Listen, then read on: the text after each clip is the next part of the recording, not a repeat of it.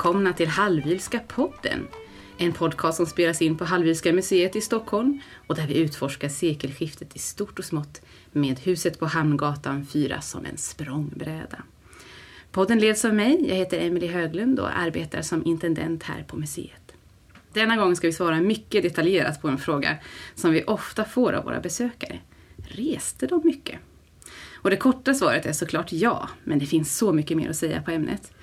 Wilhelmina föddes 1844 och dog 1930 och hon hann resa utomlands minst 62 gånger under sitt liv. Resandet som fenomen i sig växte under den här tidsperioden. Fler fick råd att resa och förutsättningarna förändrades en hel del genom tekniska uppfinningar. Och det är just detta som vi ska tala om idag. Med mig i detta har jag intendent Sara Dixon, eh, som är lite av en expert på Wilhelminas resor. Välkommen! Eh, tack! och intendent Gösta Sandell som fördjupat sig i Walters resor. Välkommen! Goddag, tack!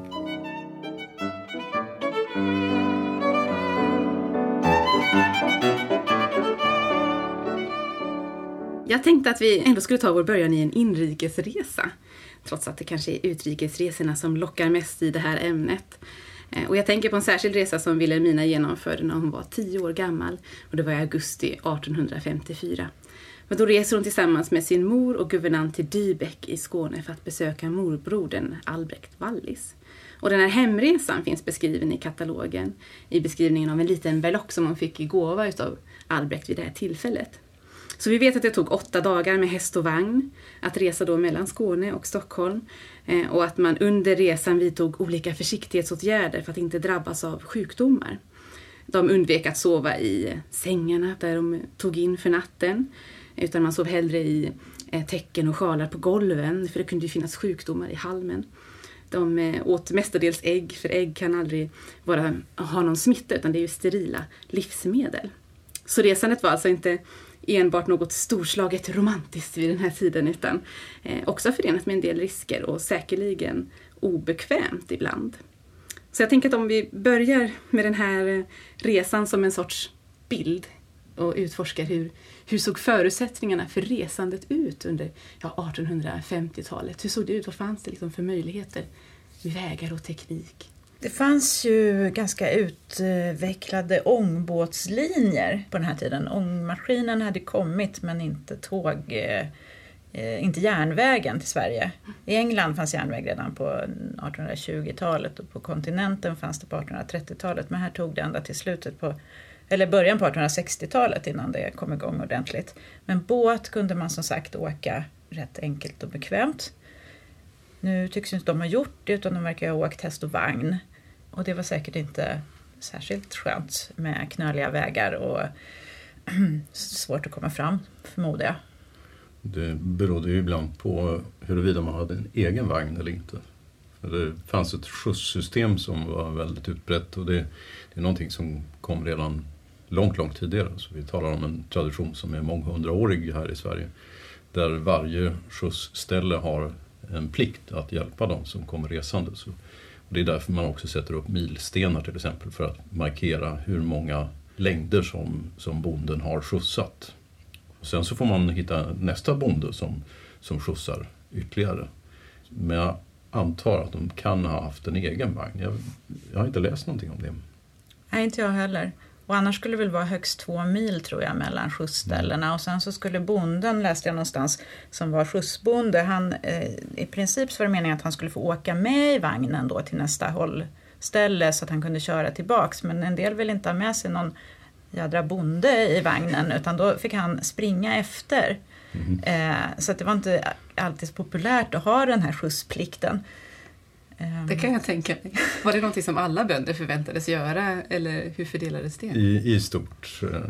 Eh, sen fanns det ju ett eh, system, ett nätverk kan man säga, där vissa eh, gårdar var officiella stationer. Och där hade man ju absolut inget val egentligen.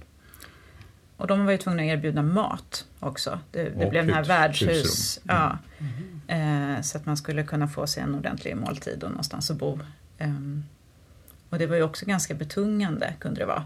Lite beroende på var man befann sig. För att det var kanske inte så jättemycket trafik på vissa ställen medan andra ställen blev knutpunkter.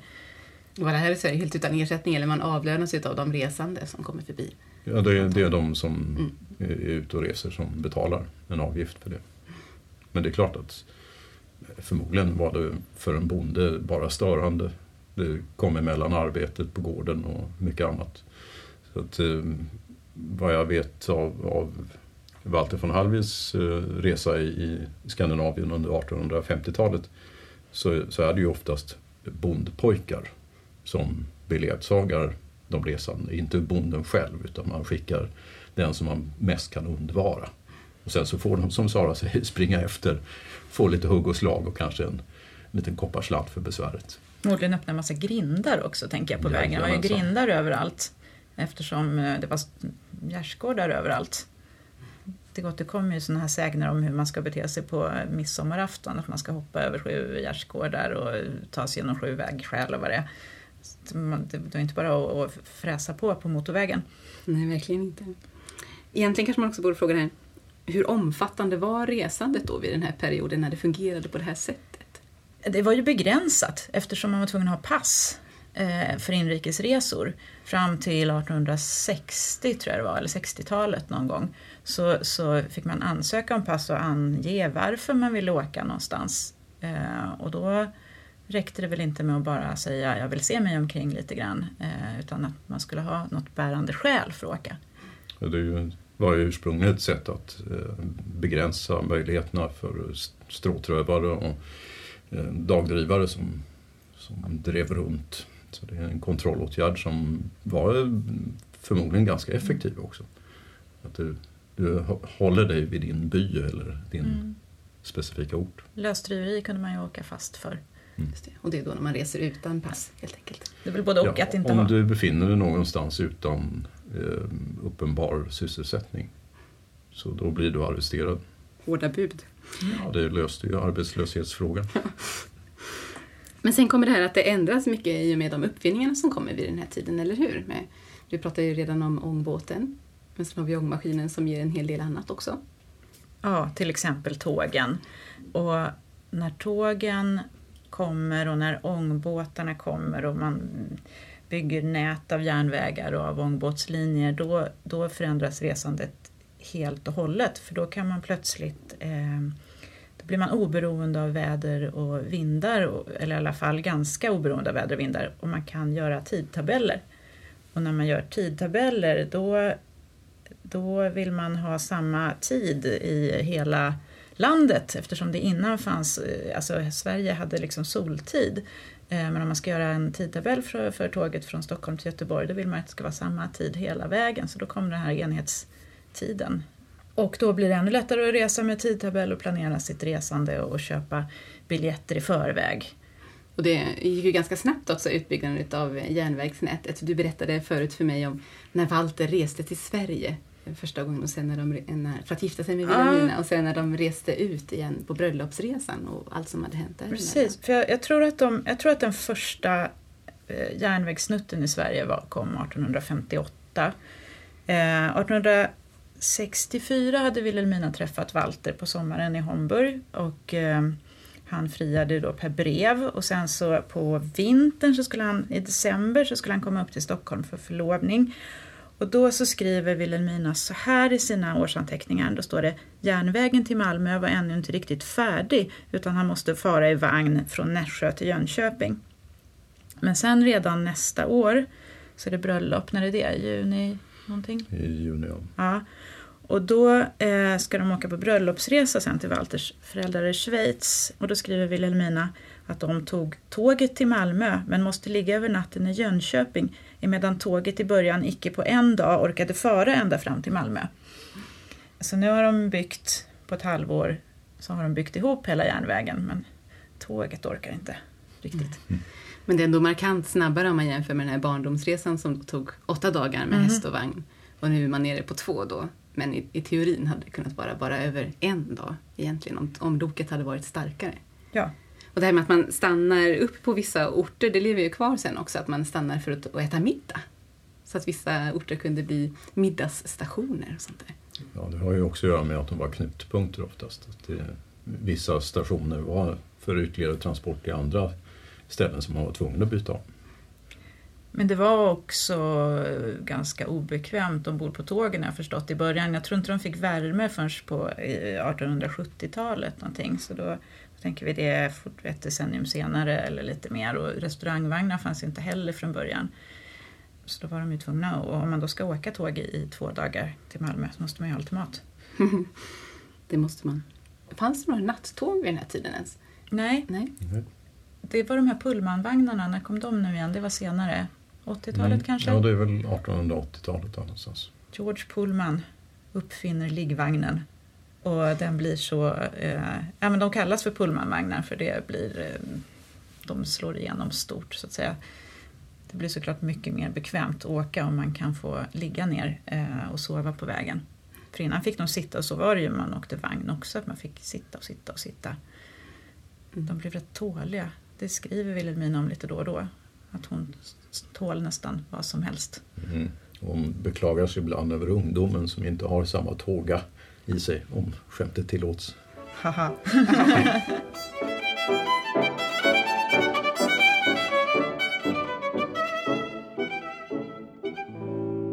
Men det var ju också under den här tiden som eh, hotellen kom att växa fram och mer eller mindre ersätta det här värdshusfenomenet då.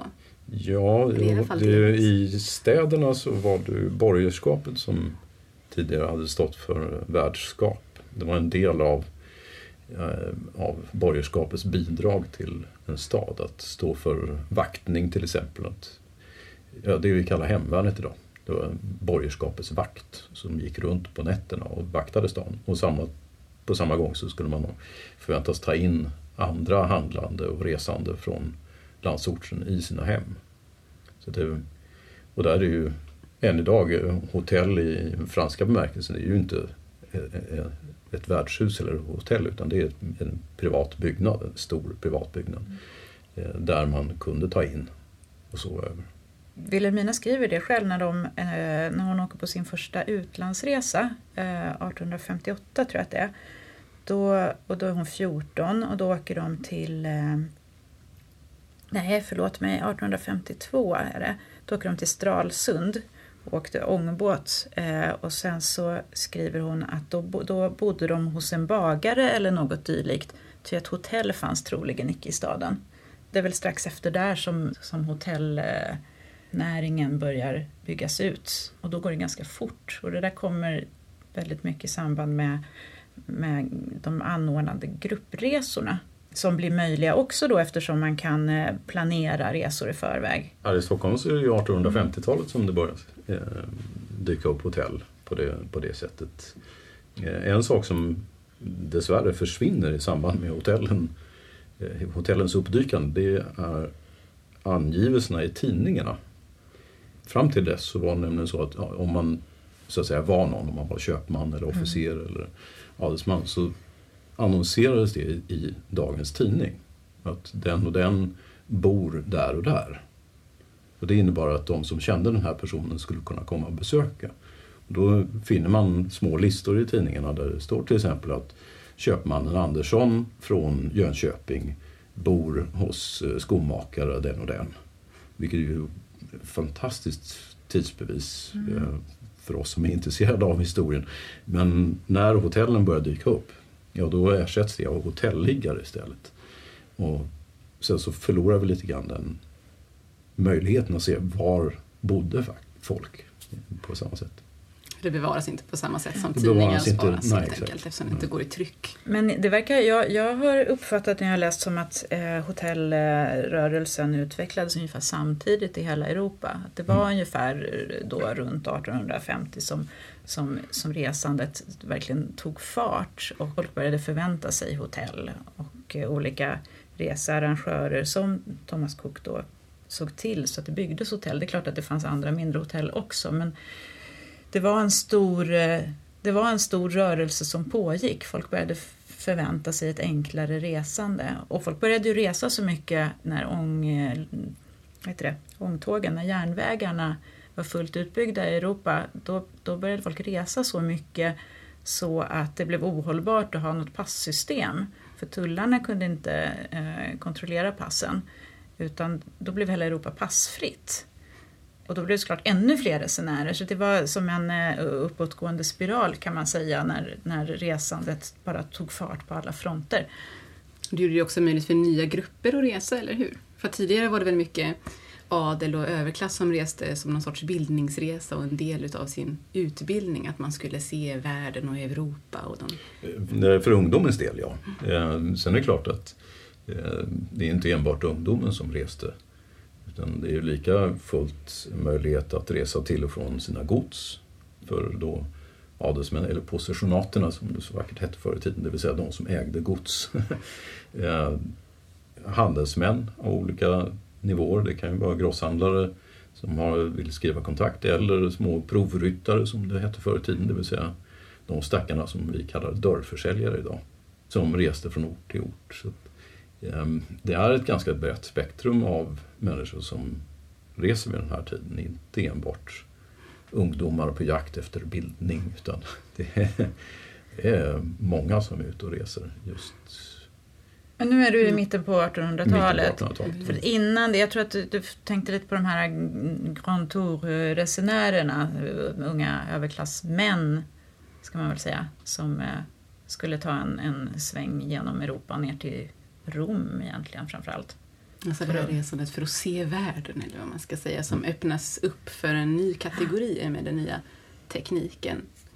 Eh, mm. Och det är väl flera faktorer som gör att det är möjligt också. Dels att det gick snabbare och då var det möjligt att, eh, att kunna frånvara eh, den perioden som en resa kunde ta jämfört med när det tog längre tid att ta sig fram. Då var det en mycket högre tröskel att kunna faktiskt ge sig ut men sen att det också blev billigare.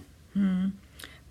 En sak som man måste komma ihåg är ju att det, i Sverige så fick vi allmän semester två veckor 1938. Så innan dess så hade ju inte en, en eh, anställd person rätt att vara borta alls egentligen.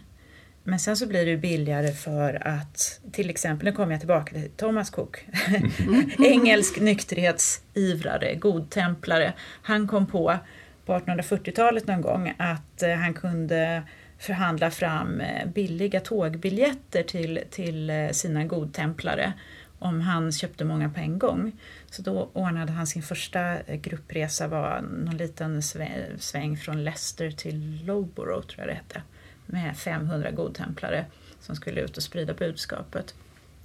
Och det där blev succé så han eh, anordnade fler och fler gruppresor. De åkte till världsutställning i London och sen tog det inte många år innan han började arrangera resor över kanalen till Frankrike. Berusad av framgång. Haha. Men jag tycker att det är väldigt roligt att charterturismen faktiskt började eller initierades av en nykterhetsfantast. Men han hade ett ett demokratiskt, en demokratisk idé med det här också. För han, han var en religiös man och han tyckte att Guds vackra värld var till för alla. Så han ville göra resandet billigare och mer åtkomligt. Så åtminstone för engelsmännen vid den här tiden så blev det ju mer tillgängligt med resande. Vem som helst kunde såklart inte åka ut på kontinenten men, men det var inte förbehållet de allra rikaste längre.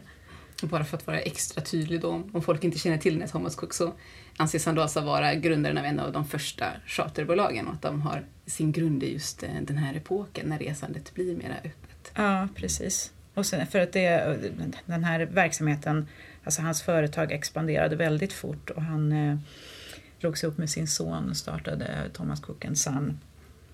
Och deras resande redan på, på eh, framåt slutet på 1800-talet så reste de, alltså då hade de gruppresor till Amerika och till Egypten och till nästan hela världen och hade flera miljoner resenärer. Det bara exploderade det här gruppresandet. Det fanns ett sug, verkade det som, efter det.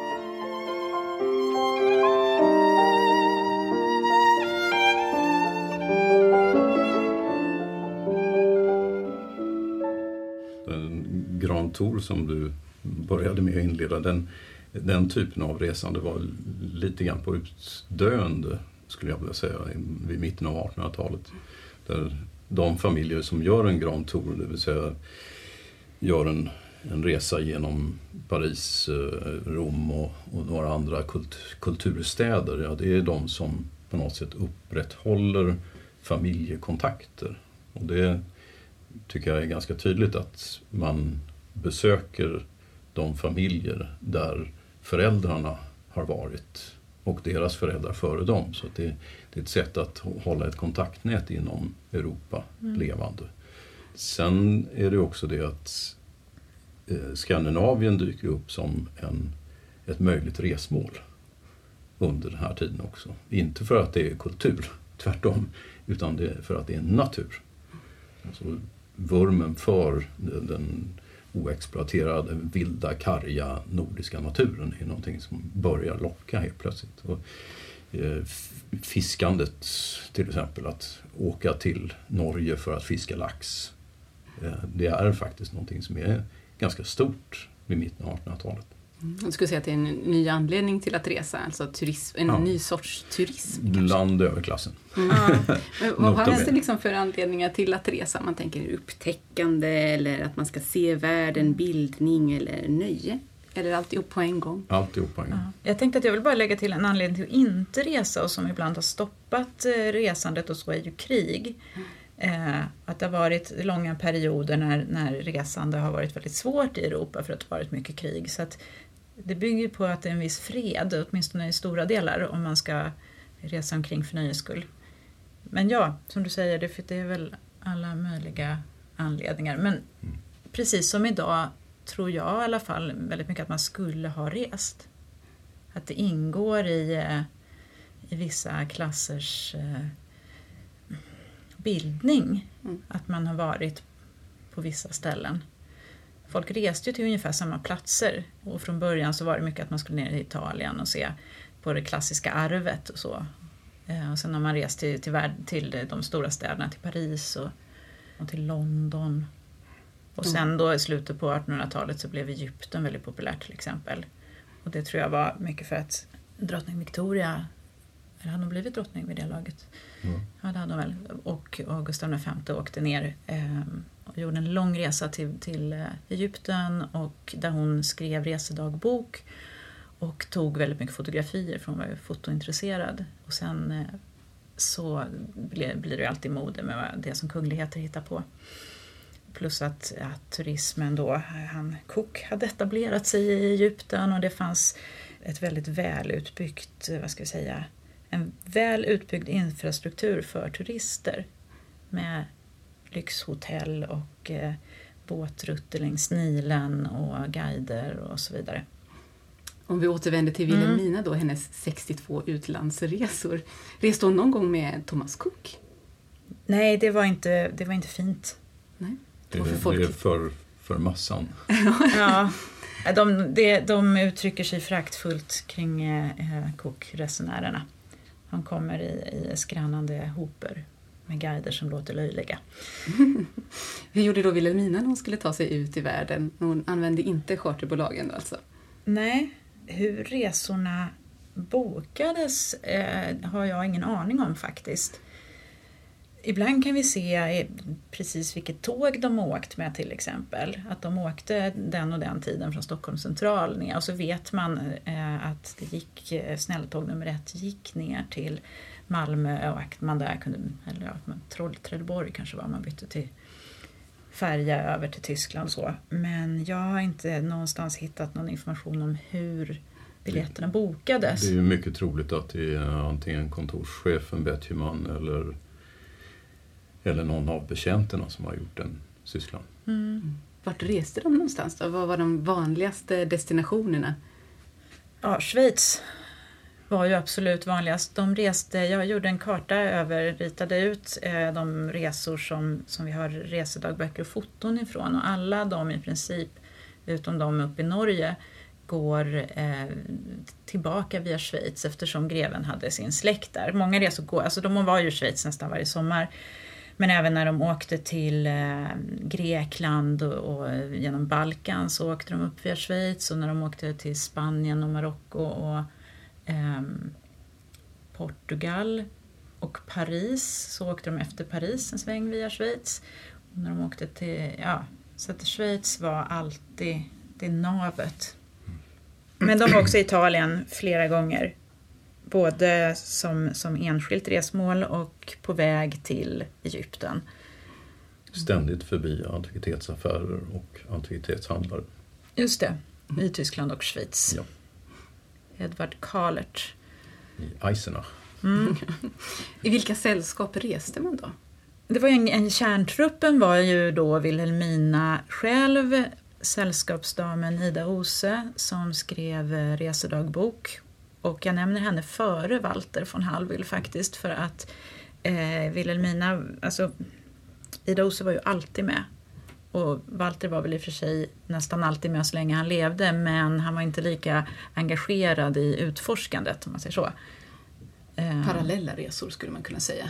Ja. Man upptäcker lite olika saker. Ja, Ja, jo, och vad jag påminner mig så gjorde de också som så att de delade på sig eh, tid efter annan. Så att han fick göra precis vad han ville, det vill säga gå på café och röka cigarrer. prata med Och folket. prata med folket och sen så fick hon gå i kyrkor och museer och antikvitetshandlar och sen så möttes de efter några dagar i en annan stad. Och, och, eh, men sen vad hade de ju med sig, eh, framförallt yngsta dottern Irma var ju med ofta. eh, Både som gift och ogift. Eh, Men de andra döttrarna var också med då och då med sina makar. Eh, Sen så träffar de folk de känner eh, här och där alltså, och reser runt med dem som eh, eh det är någon eh, vad kan han vara, konsul eller något som heter Cederkrans som de reser omkring med i, och hans hustru i Egypten. Eh, sen har jag inte fördjupat mig i det men, men det verkar som att man ehm, Ja, men det är lite som du säger, man träffar folk som man känner eller så blir man presenterad för folk som man inte känner av folk som man känner. Eh, så att det är också så att man, forts- att man ofta kan fortsätta att leva ett societetsliv även i andra städer.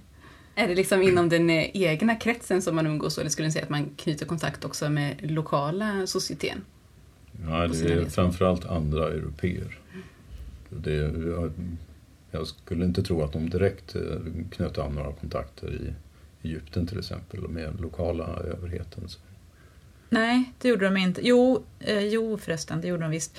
Eh, inte så mycket, men de var och hälsade på Khediven, då, vice kungen där och hans eh, fru som var mera, mera, tjock, mera kort än lång och tämligen fet, skriver de. men det är allt som beskrivs som hennes eh, person.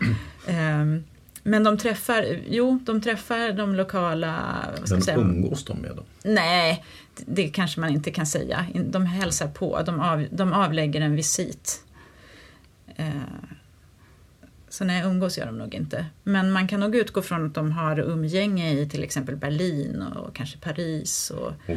definitivt i Schweiz. Eh, och säkert på andra platser också. Och hur fungerar det då med språket? I den här samhällsklassen så talar man ju ofta flera världsspråk. Men eh, det händer ju att man eh, rör sig in på länder där man absolut inte behärskar språket. Vad gör man då? Då- Ja, du har en tolk om det, om det är det du fikar efter. Det är det jag fikar efter. Ja, men eh, med franska kom man ju väldigt långt. Kultiverade människor förr i tiden talade franska. Oaktat om du var italienare eller grek så visste du tillräckligt mycket av franska för att kunna göra dig förstådd om du tillhörde rätt samhällsklass. Men sen, eh, som vi vet i Egypten så träffade de ju en eh, professionell tolk. Mm, så kallad dragoman. Mm. De var tolkar och fixare. Där, de var som rese, de var som en liten vandrande resebyrå också. Som kunde fixa biljetter och, och, eller besök hos lokalbefolkningen. Det var poppis att besöka harem och sådär. Det var ju de här, de var dörröppnare. Eh, sen har vi också ett visitkort från eh, tolkar i Spanien. Där behövdes det. Där, där kunde man inte... Spanien som ju är liksom det största turistlandet, åtminstone för oss svenskar nu skulle jag tro, var, låg helt bortanför allfarvägarna vid den här tiden. Det var mycket mer främmande än, än Italien eller Frankrike eller så. Så där behövde man ha med sig någon som kunde översätta. Mm. Grekland vet jag inte. Ehm, Där har jag inte sett något sånt. Sannolikt behöver man en Ja. tolk till det. Och när de var i Ryssland kan jag väl tänka mig också.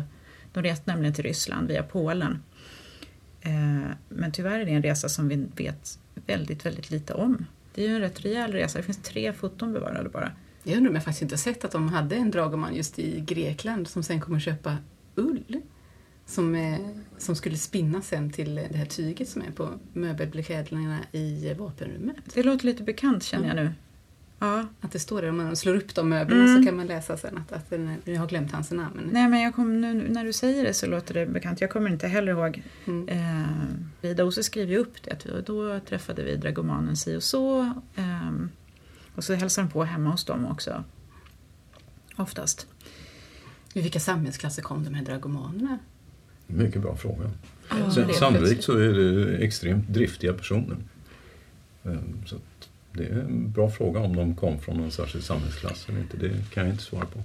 Alltså vi, vi har ju, eh, det finns ju foto då från, från dragomanen Abduls hem i Egypten. Och det var ju inte, alltså det, det är en, ett helt kalt rum utan möbler, mattor eller någonting. Så att han var ju inte från någon högre samhällsklass i alla fall. Men det är ju andra eh, tolkar som jag har sett visitkort ifrån som åtminstone hade väldigt tjusiga visitkort. Eh, Det kanske man kan ha ändå om man är tillräckligt driftig. Ja, eh, även ett dåligt företag har en bra webbsida.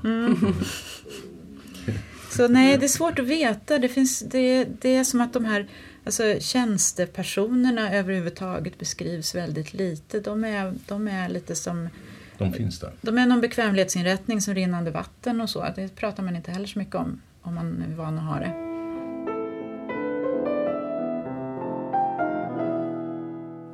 Nu pratar vi mycket om hur saker och ting har beskrivits och vi refererar till olika källor men vi har ju egentligen inte pratat om det här med just resedagböcker. Som ju är kanske den huvudsakliga källan till det vi vet om Wilhelminas resor och Walters resor i ungdomen. Tänkte just det, du kanske vill berätta någonting om det? Först kanske det är bra att börja med att säga att eh, förklara. Walter von Hallwyl han gjorde alltså en resa tillsammans med sin bror och två andra små ädlingar och deras informator runt i Danmark, Norge och Sverige 1856. Eh, Och han nedtecknade det här mycket, mycket noggrant. På, på en eh, väldigt detaljnivå. Eh, Nästan meter för meter genom resan. Anledningen varför han gjorde det är sannolikt den att han ville publicera. För att det är någonting som är mycket, mycket tydligt från säg 1840-talet och, och några decennier framåt. Att de som har någonting, eh, ja, lite kontanter bakom sig och, och någon typ av bildning. De gör en resa, de skriver ner det och sen så ska de publicera. Och, eh, Walter von Hallwyls bror Hans hade redan gjort det. När de åkte en resa ner till Italien så skrev han sin resedagbok. Men då var Walter lite för ung, han var bara 14 år gammal då. Så det var brodern som gjorde den och sen så lät publicera den fast anonymt. Då. En dagbok från en ung bärnare som den har som undertitel. Eh, så att jag tror nog att Walters anledning till att Walter skrev så väldigt tydligt det var för att han ville publicera. Gjorde han det sen då? Nej, Nej. det. Men det, om man är intresserad av resehistoria så finns det jättemånga reseskildringar av det här slaget skrivna av personer som har gjort en resa och beskrivit den som man kan hitta på nätet eh, i sin helhet. Så det, det skulle jag vilja rekommendera, det är väldigt roligt. Man får ju mm, en fin bild inte bara av, av eh, själva resandet utan av ja, all, alla möjliga livsbetingelser. Hur resandet gick till, hur det var i landet de åkte till, hur man såg på andra länder och så. Har du något exempel på namn för lyssnarna så de kan googla på? Det, det, jag, kan, eh, det jag kan Ja. bidra med det är att uh, Walter von Hallwyl skriver i sin dagbok att han mötte en eh, ung engelsk kvinna som var mycket självupptagen, alltså bara pratade om sig själv hela tiden. Eh, Hon reste runt i eh, Skandinavien tillsammans med sin mamma och eh, små, små kappsäckar. Hon hävdade då med bestämdhet att män är endast nyttiga för att bära bagage och vi har inget bagage. Hennes paroll. Och hon ordade vitt och brett om att hon skulle skriva en bok och ge ut den och, och hur stor för- författare hon var och så vidare. Och faktum är att hon gjorde det. Emily Lowe, vad heter titeln nu igen? Um, Two Unprotected Females in Scandinavia eller liknande. 1857 kom den ut. Eh, Så den finns också digitaliserad på nätet faktiskt. Eh, Om, omnämns Walter i den? blir Nej, han gör inte det. på. Och jag skulle säga att hennes bok är ganska ointressant. Den är, den är väldigt självupptagen. en träffande beskrivning. En alltså träffande där beskrivning, ja. Mm. Annars, och jag tror att hon hette Amelia Edwards som har skrivit en engelsk eh, skildring av vår resa upp för Nilen. Någonting med Up the Nile. heter- Det finns det rätt många böcker som heter så man kan söka på Up the Nile eh, till exempel. Eh, Travel Journal eller så. Så hittar man en massa saker. Och i våra egna samlingar så har vi ju Fröken Oses resedagböcker också. Ja, Förstås som delvis ligger på nätet, särskilt om man är bra på att läsa tysk eh, handskrift. Men även i, i, i översatt och transkriberad form på, på Wikimedia Commons. Eh, ja, hon skrev ju dagbok på, näst, ja, på många av de resor hon var med på. Hur frivilligt det var vet vi inte. Man får en känsla av att hon antagligen var tillsagd att skriva. Eh, men också att hon kanske tyckte om det och speciellt eh, på de tidigare resorna så märker man att hon är då hon väldigt entusiastisk och sen blir hon lite mer blaserad med tiden. Men hon beskriver väldigt, väldigt eh, detaljerat. Ehm, ibland lite för detaljerat när man får följa med ett helt museum och se alla målningar och deras olika motiv och så. Det är inte jätteroligt att läsa om. Men när, hon, när de däremot är i Tunisien hemma hos någon, de åker hem till fotografen och där dricker de vin och det blir väldigt livat. Eh, eller när de är på bal i, Kairo och en dam har en liten ödla i ett koppel runt halsen. En levande södla i Ja. kopp runt halsen. Som en liten hund. Eller, alltså det är mycket sådana där fina detaljer som hon beskriver så det, det ger väldigt mycket att läsa hennes dagböcker. Festligt.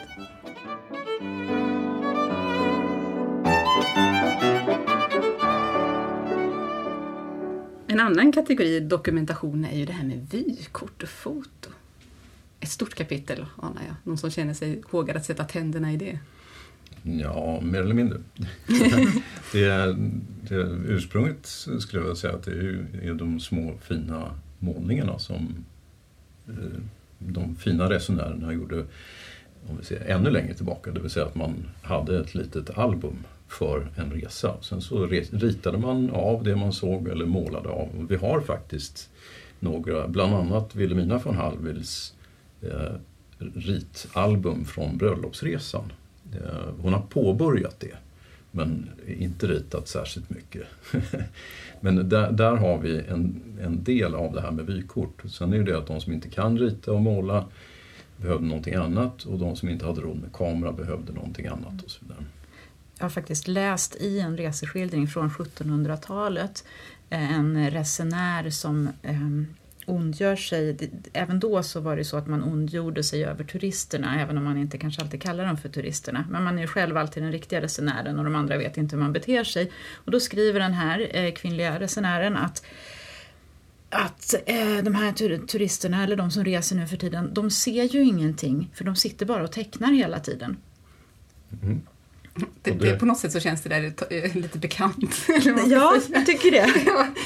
Jag skulle vilja hävda att man ser bättre om man tecknar men, Ja. men, eh, Men det är samma. det är personligt. Eh, Men där har vi ju också alla dessa Canaletto-målningar, de fruktansvärda Venedig-skildringarna som folk betalar miljoner och miljoner för. Som är ju rent turistskräp, målad en masse för att säljas till de här rika dombomarna som kommer till Venedig och sen ska ha en, nödvändigtvis ha en bild av Venedig hemma i sitt slott. Eh, Så det är ju också en del av det här. Att en oljemålning kan också vara ett vykort. Eh, Sen är det ju bisarrt att man gör vykort av Canaletto. Så- det är så att säga ett vykort av ett vykort. En metanivå. Ja. Vi gör väl också vykort av gamla vykort tänker jag. Ja, Men, men sen var det ju vykort, eh, eller vy, ja, dels så skickades det väl vykort, det vet jag faktiskt inte när man började med, men, men Ehm, att man köpte fotografier var väldigt vanligt eh, under andra halvan av 1800-talet därför att fotografin, ja, men fotografin utvecklades ju eh, Alltså de här första daguerreotypierna kom på 1840-talet. De, de kunde man inte reproducera men sen ganska snart så kom det reproducerbart foto. Du måste nog nästan förklara vad det är för någonting. En daguerreotyp. Jaha, det Eh, ja, men- ett Ja, det var Jean- Jean-Louis Jacques Daguerre hette han va? en fransman som kom på ett sätt att eh, fånga ljus på en eh, silverplåt eh, och få det till att bli en bild. Men då fick man bara en bild just för att man framkallade den här plåten. Riktigt hur det gick till vet jag inte, men då hade man den sen. Det är en oxidationsprocess helt enkelt. Att silver blir svart när det utsätts mm. för syra och ljus. Eh, men sen så kom de ju på sen eh, glasplåtar och celluloidfilm som man kunde belysa negativet rakt igenom och då göra många eh, kopior. Och när, det här kom, när de kom på det här så blev ju yrket fotograf eh, populärt. Det, det, kom snabbt många fotografer för folk ville ha med sig foton eh, hem. Um, dels blev det populärt att hobbyfotografera bland de rikare men det var ju väldigt väldigt besvärligt att ha med sig fotoutrustning när man reste. Då var man tvungen att ha mycket pengar för då skulle man frakta kanske ett par hundra kilo Eh, utrustning inklusive framkallningstält och vätskor och grejer. Och sen så byggde det hela på att man måste ha tillgång till, till ett dammfritt ställe. Det är svårt om man är, eh, ja, om det är, man är i öknen eller så. Man måste ha vatten, rent vatten och, och, och sådana grejer. Så då blev det mycket mer praktiskt att köpa bilder av lokala fotografer som ofta var bättre och visste vad de gjorde. Så att på, på populära turistmål så fanns det alltid fotografer som hade varit runt och, och tagit foton av de populära turistmålen och sen kunde man gå dit och välja i deras butik. Och det skriver Ida Ose i sin resdagbok alltid om, att då var vi och köpte fotogra fotografier där och där. Så att de allra flesta fotona, vi har ju mycket resefoton i, i samlingarna på Hallwylska museet och de flesta är köpta. Men sen så tog man också egna bilder i viss mån. Jag tror att det är eh, 1896, då åker de till eh, Grekland, Makedonien och Serbien och så. Och det är första gången som vi ser eh, bilder som Wilhelmina och, och Walter, eller framförallt Wilhelmina tror jag, har tagit själva.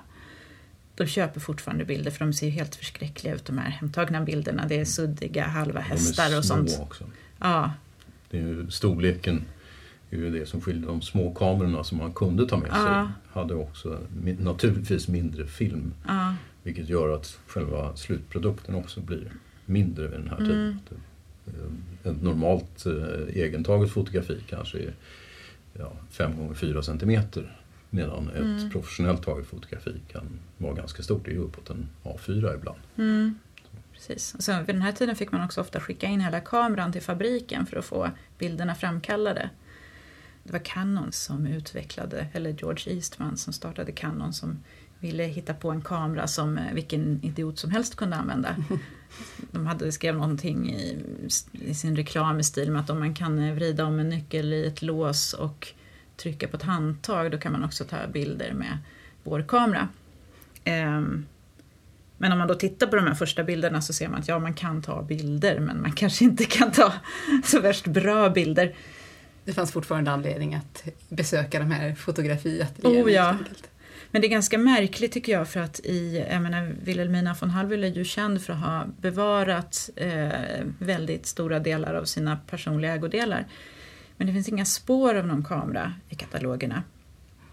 Så att vi, vi vet inte när den här kameran köptes eller om den lånades eller, ja, eller om hon hade fler kameror oerhört spännande och väldigt märkligt. Mm.